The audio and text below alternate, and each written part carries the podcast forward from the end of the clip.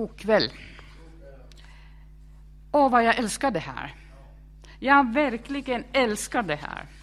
Att få vittna om Jesus och berätta om Jesus. Han är den underbaraste personen som jag har träffat i mitt liv. Och eh, det är ett så stort förmån för att få vittna om honom. Han som gav mig ett sådant bönesvar i början när jag på 70-talet mötte honom, att jag har aldrig behövt tvivla om, att, om han finns eller inte. Jag vet bara det. Han, Jesus Kristus, som är här med oss. Hans ögon som är som oceanen. Så djup, så vid, så full av nåd, kärlek, barmhärtighet så full, i hans ögon finns alla färger, grönt, brunt, svart, blått.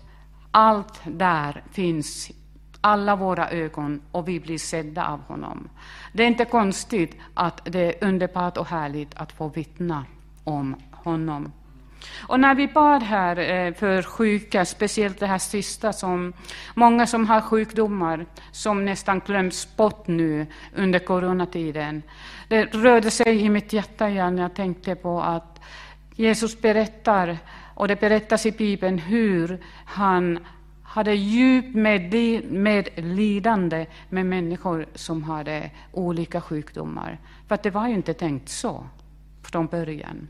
Det är synden, det är fienden, djävulen, som orsakar allt det här onda, lidande i världen. Men en dag, en dag är det över. Nytt, nya himlar och nytt jord. Uh, mitt ämne, eller tema ikväll, är omringade av närvaro.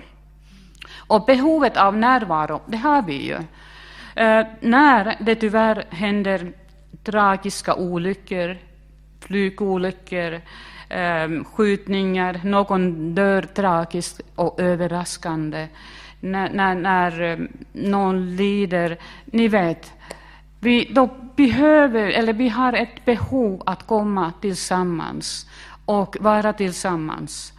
Och eh, samlas ihop, samtala, läcka blommor, kramas, gråta tillsammans, försöka att förstå. Vi är ju skapade eh, till gemenskap eh, med andra människor. Vi, vi mår bra av det. Och faktiskt både Bibeln och eh, vårdvetenskapen är överens om det, att det är inte bra för människan att vara ofrivilligt ensam, utan att vi behöver varandra. Det är bra för hälsan. Och tyvärr i dagens situation är ju vi mer utsatta nu, tvingade till ensamhet. Och jag, jag, jag, tycker att vi speciellt här, när vi ber tillsammans, ber för dem lite senare, för dem också, som är tvingade till ensamheten i sina lägenheter eller villor. Så vi, vi ber speciellt för dem. Omringade av närvaro. Den här boken, skriven av helige Ande, skriven av människor och ledd av helige Ande, så att vi kan kalla det för Guds ord. Och det är en underbar bok, det är, den utandas ju Gud och hans kraft. Och någon vis människa har ju sagt att enda boken i världen där författaren är med i boken. Det är någonting helt underbart. Det ger ju effekt i våra liv. Men med klarhet och tydlighet förklaras um, eller förklarar den detaljerat som allt som går i våra liv. En, en, um, Bibeln är en förklaring och en karta om vår existens. En instruktionsbok. Och jag tackar bara Gud att det är inte typ en IKEA-instruktionsbok eh, för möbler. För om jag skulle kämpas med det skulle jag aldrig ha några möbler i mitt hem. Jag skulle inte få ihop. Eller när jag stirrar eh, instruktionsboken för min bil. Jag har den här varningslampan, var är den här symbolen i den här boken nu? Svettigt värre. Men Bibeln är inte så. Även den minsta kan förstå vad Gud menar med budskapet som finns i den här boken och det tackar vi Gud för. Vi läser eh, Apostlagärningarna 17, 26 och framåt. Av en enda människa har, den, har han, alltså Gud, skapat alla människor och folk till att bo över hela jorden. Och han har fastställt bestämda tider och gränser inom vilka de ska bo. Det gjorde han för att de ska söka Gud och kanske kunna träva sig fram och finna honom, fast han inte är långt borta från någon enda av oss, för i honom är det vi lever och rör oss och är till. Av en enda människa har han skapat. Och I vissa texter står det, um, står det att av ett enda blod. Greker på den tiden när det här skrevs och när Paulus stod där på aerobagen, aerobagen så han hade ju framför sig greker som hade inte så snäll attityd. De kallade ju andra et, etniska grupper och folk för barbarer. De tyckte att de var för mer och bättre än andra människor. Men då förkunnar, predikar Paulus att av en enda människa är ni också skapade, så ni har samma blod i er. Och det är nog bra att vi kommer ihåg detta. Vi är av samma blod från början. Vi kan inte säga att vi eller de är bättre och för mer eller någon annan. Av en enda människa har han skapat alla, alla folk. Och eh, när vi tänker så här och ställer frågan till exempel när man läser tidningar, när man lyssnar nyheter. Hur behandlar vi våra gamla? Hur har vi behandlat våra gamla tidigare åren, årtionden? Det säger ju mer om oss, politiken, attityden, det som vi, vilket samhälle vi har skapat, hur vi till exempel behandlar våra äldre, som nu framkommer mer och mer att vi kunde inte skydda på det sättet som vi önskade. Eller ser du, ser jag, ser vi Guds bild skapad av en enda människa till Guds avbild? När du ser en uteliggare på gatan, illaluktande, det syns hur livet har hårt tärt på människan. Men i honom finns en Guds avbild. Han är unik, han är älskad, han är viktig, lika viktig som den högsta posten i Sverige inför Gud. Han är en människa. Och den till sista livssekunden, Gud längtar, tänker, vill leda, vill hjälpa den här människan så liten och marginaliserad av människor. Han längtar att få öppna sin famn och välkomna. En tankeställare för oss hur vi tänker och hur vi arbetar och når de alla Guds avbilder i den här staden i Sverige. Det står att han, Gud har satt gränser och tider för nationer och människor.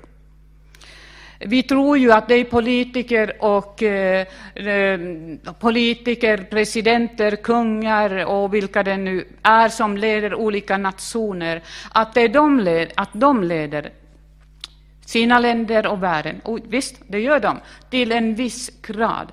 Men sen är det faktiskt så alltid att det är Gud som sätter gränser. Det är Gud som leder världshistorien. Och han har en en, en, en klar och tydlig plan för världshistorien, människosläktet. Att, och hur än vi människor tänker och vill leda, så leder han tills hans Guds rike är åter tillbaka till hundra procent. Han har allt i, sin, i sina händer. Han har allt i sina händer under den här coronatiden. Han har i sin hand människans livslängd. Han har, det står, dina ögon såg mig när jag, var bara, jag bara var ett foster. Alltså Bibeln påstår, efter befruktningen, eh, befruktning i livmodern, när det bara litet foster, då såg Gud redan dennes hela livslängd, alla dagar, ända till den sista. Det står, alla mina dagar blev skrivna i din bok, formade innan någon av dem hade kommit. Mäktig, helig, allsmäktig Gud, han som håller universum i sin hand. De här enorma avstånden som vi ser på himlen, vet att finns i universum. Och ändå kommer han så nära att den, minns, den där lilla början såg han skapade dig. Du som är älskad och värdefull. Varje människa, så stor han är att även våra hårstrån är räknade i våra huvuden. Ofattbart för oss.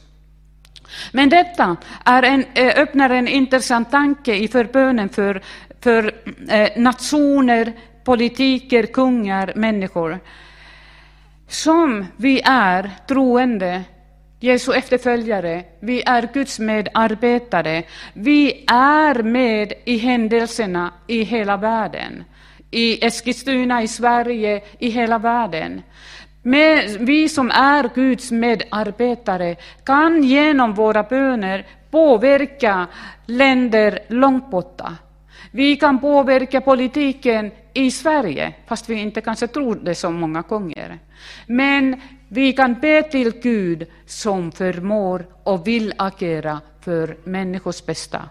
Och det är en uppmaning till oss alla i församlingen och församlingar. Vi som är Jesu efterföljare, det är Guds kallelse till bön idag, speciellt under denna svåra tid. Det är en Guds kallelse till bön inför hans ansikte, vara hans medarbetare för att hjälpa lidande människor, för att de får möten med Gud. För att våra böner är avgörande. Vad fattas det om vi inte ber? Och en tanke bara. Om man inte har nöd för människors frälsning, eviga väl, har man förstått vad Gud säger i sin bibel. Verserna 27 och 28 stod det. Det gjorde han för att de ska söka Gud och kanske kunna träva sig fram och finna honom, fast han inte är långt borta från någon enda av oss. För i honom är det vi lever och rör oss och är till. Det här är en underbar bild om Guds närvaro. Tycker jag i alla fall. Det är som fisken i akvariet. Ni ser ju den här en rund akvarium och lilla guldfisken där som svimmar runt utan att veta så mycket om sin eh, eh, eh, eh om, eh, vad, vad om, omger honom. Men så är vi omringade av Guds närvaro. Det står ju att vi rör oss och vi lever oss i honom. Det här ofattbara, hans helige Ande är närvarande med oss här och med dig där hemma. Du är inte ensam. Vi är om, om, om och vi kanske inte är så medvetna som guldfisken om vår element när, han, när den plaskar runt där. Och inte vi heller kanske tänker många gånger, men vi är omringade av Guds närvaro. Och hur kan vi tillämpa, applicera detta närvaro i våra liv? För att Bibeln är ju ingen teoribok som säger vackra ord, utan det var ju en instruktionsbok för våra liv. Och Guds tanke är ju att vi tillämpar, applicerar det i våra liv, att Guds tanke är att våra liv blir det bästa om vi vill, hör och häpna, lyda hans ord, att vi lever efter det. Som den här berättelsen, att den som byggde sitt liv, eh, liknelsen på Guds ord, den består. Men den som bygger sitt liv på människoåsikter, det som är på mode och det som är in, eh, den raserar. Men Guds ord och hans råd är eviga. Och vi står stadigt där. Och här har vi romar, Romarbrevet nu, som jag glömde säga till våra tekniker, ber om ursäkt, Romarbrevet 10.13. Och det här är ju någonting helt underbart. Ja, det står ju var och en som åkallar Herrens namn blir frälst. Eh, och nu, det betyder också får hjälp. Inte bara att man får sina syndernas förlåtelse, men man får hjälp också. Alltså, frågan var hur tillämpar vi Guds närvaro i våra liv? Och Bibeln svarar, var och en som åkallar Herrens namn blir frälst. Får hjälp. Alltså, om jag har en situation där jag behöver Guds hjälp, då ropar jag Herre, hjälp mig, nu är det bråttom, hjälp mig.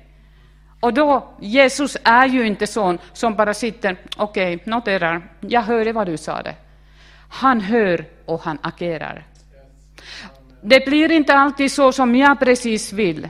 Jag som åtminstone tidigare har varit så att när jag vill fixa någonting vill jag ha det gjort helst igår. Och sen, jag tror att vår Herre har blivit lite gråhårig ibland med mig, när jag har liksom lite tempo, lite tempo. När jag någon gång hörde att Herren sa det till mig, snart får du bönesvaret för en viss sak. Och jag tänkte, imorgon eller övermorgon, övermorgon. Senast ville jag ha det, tänkte att det borde komma. Tre, mellan tre och fyra månader, då fick jag det. Alltså, men när vi ropar, han svarar. Det blir inte alltid som jag vill, du vill, men det blir alltid det bästa för dig. Och det här att det andra, Romarbrevet 10.17. Alltså kommer tron av predikan, det som Kalle sa det här i, i början. Tron, tron på Gud, tron på hans ord, tron på hans vilja att hjälpa, tron på att han lyssnar, att han har möjlighet att agera. Det kommer inte att vi tänker att det borde nog vara så. För att när man läser Guds ord, därifrån kommer tro och vi vågar be, vi vågar tro och vi vågar vänta och orkar vänta och vi får svaret. Alltså, det finns livsförändrande kraft i Jesu ord som är lika levande idag som igår. Och han är det i all evighet. Och därmed lägger det här sista bibelordet ett stort ansvar för oss kristna som redan har mött Jesus. Att vi ska vittna, vi ska berätta om eh, Jesus, berätta om ordet, vad det står där om Jesus, för att människorna kan få möta honom och få sina liv att förändra det. Och till slut läser jag någonting, någonting eh, jag kollade på nätet jesus.se och där är en massa berättelser från människor som har mött Jesus. Och bara två stycken lite snabbt och kort här. Ishockeyn var livet för Jonas Karlsson, men när han var, han, när han var i 25-årsåldern lades skridskorna på hyllan och slutade med hockeyn så ersattes all tid han lagt ner på träning och tävling istället av ett intensivt festande och där drogerna snart gjorde entré. Och sen är det en lång berättelse hur illa det gick. Men sen, det kan ni läsa själva på jesus.se. Men sen, hur han mötte Jesus. I samma ögonblick som jag blev frälst så blev jag totalt fri från allt missbruk av droger, alkohol, nikotin och porr och har inte haft en sekund av abstinens sedan dess.